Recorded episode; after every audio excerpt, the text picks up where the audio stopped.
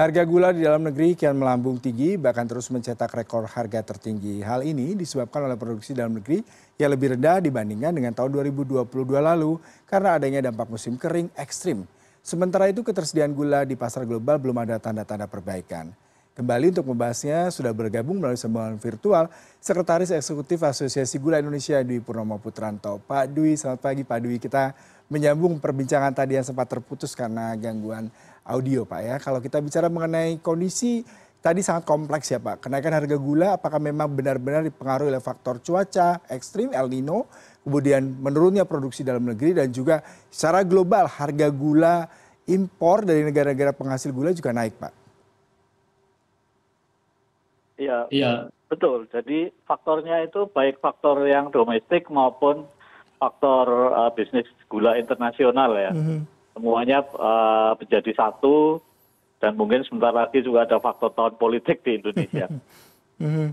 Ya, Pak Dwi, kalau tadi saya sempat memberikan uh, informasi terkait gula, salah satu negara penghasilnya adalah India yang melarang ekspor karena inflasi tinggi, kemudian juga kebutuhan dalam negeri. Kalau di Indonesia, produksi gula itu menurun ya Pak, bahkan Bapak Nas mengatakan dari target 2,6 hanya tinggal 2,2 juta. Sebenarnya fenomena menurunnya produksi dalam negeri itu karena apa, Pak? Penurunan produksi yang terjadi di Indonesia dari tahun yang lalu 2,4 ton ini hanya 2,271 juta ton. Hmm. Uh, lebih banyak disebabkan karena uh, El Nino yang membuat produktivitas tebu per hektar itu menurun. Tahun yang lalu bisa di atas 74 ton tebu per hektar sekarang hanya 61 ton. Meskipun luas arealnya naik dan kandungan gula atau rendemennya naik. Mm-hmm. Ya, apakah faktor cuaca ini tidak bisa diberikan sebuah analisa SWOT ya Pak, terutama terkait bagaimana early warning system uh, sistem pertanian gula di Indonesia terkait dengan cuaca ekstrim buat ke depannya Pak, sehingga hal serupa tidak kembali terjadi. Ya, sebetulnya uh, siklus tanaman tebu itu kan dia sudah tertanam setahun sebelumnya ya, hmm. uh, sehingga kalau pada saat ditanam itu uh, cuaca normal-normal saja, maka dia akan berdampak pada saat uh, dia memasuki musim giling atau sudah pada saat uh, musim kering, hmm. di mana dia mulai dipanen. Hmm. Jadi di situ sebetulnya tidak banyak walaupun sudah tahu tapi tidak tanaman tebu sudah memasuki usia tua dan tidak banyak yang bisa dilakukan. Misalnya hanya memprioritaskan daerah-daerah yang rawan kekeringan ya itu harus uh, didahulukan uh, panennya. Kalau misalnya ada air ya mungkin masih uh, bisa dibantu, tetapi uh, sudah tidak akan uh, banyak membantu. Atau kalau diketahui jauh sebelumnya bisa ditanam varietas yang. Relatif lebih tahan kering. Kira-kira begitu. Hmm. Pak Dwi, kalau kita bicara mengenai stok dalam negeri, bagaimana informasinya Pak, terutama terkait dengan tadi ada beberapa negara yang menghentikan ekspor ke Indonesia, kemudian produksi dalam negeri yang juga menurun, apakah memang sudah cukup terpenuhi Pak hingga akhir tahun? Kalau kita melihat data yang apa namanya yang ada di publikasi resmi pemerintah atau data-data yang beredar di media sosial dan sebagainya itu memang kalau dibandingkan tahun yang lalu pada waktu yang sama kelihatannya ada penurunan stok ya. Hmm. Tahun ini hanya pada saat bulan Oktober kalau tidak salah hanya stok hanya tinggal satu juta ton hmm. dan kelihatannya terjadi uh, kelambatan pemasukan gula impor. Hmm. Jadi walaupun sudah diputus uh, sejak awal tetapi kelihatannya karena uh, kelambatan masuknya impor ini juga berpengaruh pada kondisi supply dan demand di pasar. Hmm. Iya Pak, kalau kita bicara mengenai tadi ya kebutuhan impor menjadi salah satu solusi. Nah baru-baru ini kita impor 50 ribu ton gula dari Brazil Pak. Apakah sudah cukup bisa memenuhi kebutuhan dalam negeri dan menstabilkan harga gula yang melambung dalam beberapa pekan ini Pak?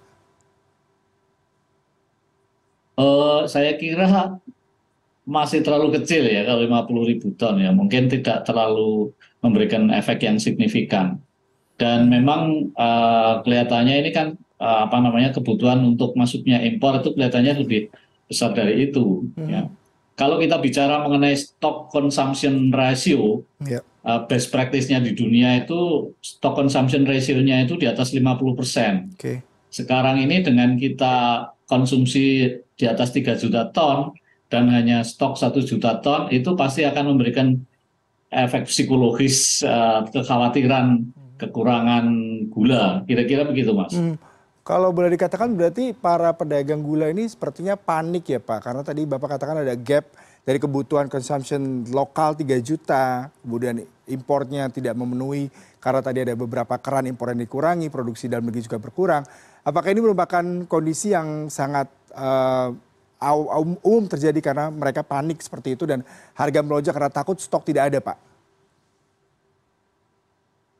Uh, sebetulnya kalau kita bicara mengenai jumlah stok itu kan sebenarnya masih ada dengan satu juta ton yang ada di gudang pabrik gula itu satu juta ton yang termonitor, belum lagi stok yang ada di luar uh, gudang hmm. pabrik gula, berarti itu mungkin ada di distributor, di grosir dan sebagainya. Itu mungkin uh, totalnya, uh, walaupun saya tidak tahu persis angkanya, tapi hmm. berdasarkan penelusuran yang pernah kita lakukan, totalnya bisa sekitar 400 ribu ton ya tetapi itu sudah memberikan dampak psikologis bahwa kelihatannya uh, gula itu akan semakin menurun karena import itu terhambat banyak hal yeah. samping harga gula, gula luar negeri yang masih tinggi juga ada hambatan mengenai masalah pelabuhan di Brasil dan sebagainya dan sebagainya itu mungkin ya sekarang kan era keterbukaan jadi berita-berita itu semuanya bisa diketahui India yang mengkonversi alkohol uh, gula menjadi alkohol, demikian juga Thailand yang gulanya menurun, kemudian juga macam-macam lah itu yang membuat ada efek psikologis juga di situ. Mm-hmm. Selain tadi ada efek psikologis, kemudian juga menurunkan produktivitas beberapa negara penghasil gula dunia. Tapi kita bicara mengenai dalam negeri, Pak. Salah satu yang menarik kita bicara mengenai komponen-komponen pertanian dan juga biaya logistik. Nah ini merupakan hal yang juga menjadi variabel kenaikan harga gula secara uh, dalam negeri ya Pak. Bagaimana solusi ini selain tadi impor pastinya merupakan salah satu hal yang paling solutif dan paling singkat untuk mengatasi hal ini. Ya, sebetulnya kalau kita bicara ya mengenai apa namanya uh, kapasitas industri yang ada di Indonesia, total pabrik gula yang ada itu total seluruh Indonesia kapasitasnya itu mencapai 330 ribu ton tebu per hari. Kalau itu kita bisa meningkatkan rendemen menjadi 8 atau bahkan delapan setengah, maka sebetulnya uh, sorry sebelumnya dengan utility pabrik yang di atas 80% dan rendemen bisa mencapai 8 itu saya kira kebutuhan itu sudah terpenuhi di situ. Jadi masalahnya yang pertama itu adalah uh, utility pabrik itu tidak terpenuhi ya uh, walaupun kapasitasnya tinggi karena uh, tebu itu bukan apa kurang mempunyai daya saing sehingga uh, petani itu uh, tidak terlalu bergairah untuk menanam tebu tiga tahun terakhir ini aja karena ada kondisi perubahan jam, penjaminan harga minimal itu arealnya sudah meningkat dari biasanya 450 ribu naik menjadi 480 ribu sekarang 500 ribu lebih. Mm-hmm. Jadi tapi itu masih belum mencukupi untuk memenuhi utilitas dari pabrik yang ada. Jadi kuncinya adalah ketersediaan bahan baku dan juga peningkatan uh, rendemen atau kandungan gula. Mm-hmm ketersediaan bahan baku dan meningkatkan rendemen atau kandungan gula. Seperti apa nih solusinya untuk meningkatkan hal tersebut yang harus dilakukan oleh pemerintah, pelaku usaha swasta maupun pihak pabrik Pak ataupun para pelaku bisnis di bidang gula seperti ini? Ya, kita harus memper, memperkuat uh, bidang uh, research dan pengembangan kita karena varietas ataupun klon dari tebu yang ada itu sebagian besar itu sudah berumur lebih dari 10 tahun ya. Ini sudah waktunya diganti, sudah apa namanya harus di apa namanya diproduksi atau dihasilkan varietas-varietas unggul baru dan ini saya kira memerlukan kehadiran pemerintah untuk memperkuat uh, riset kita ke depan. Baik Pak Dwi, terima Itu kasih. antara lain. Ya, Pak Dwi terima kasih untuk perbincangannya pagi hari ini. Semoga solusi yang tadi Bapak tawarkan bisa menjadi salah satu langkah taktis untuk mengatasi produksi gula dalam negeri, kenaikan harga gula yang melambung, dan pemerintah sepertinya juga harus bekerja sama dengan pelaku usaha swasta untuk tetap melakukan utilisasi pabrik tadi yang belum maksimal mencapai 80%. Terima kasih untuk perbincangannya pagi hari ini Pak Dwi.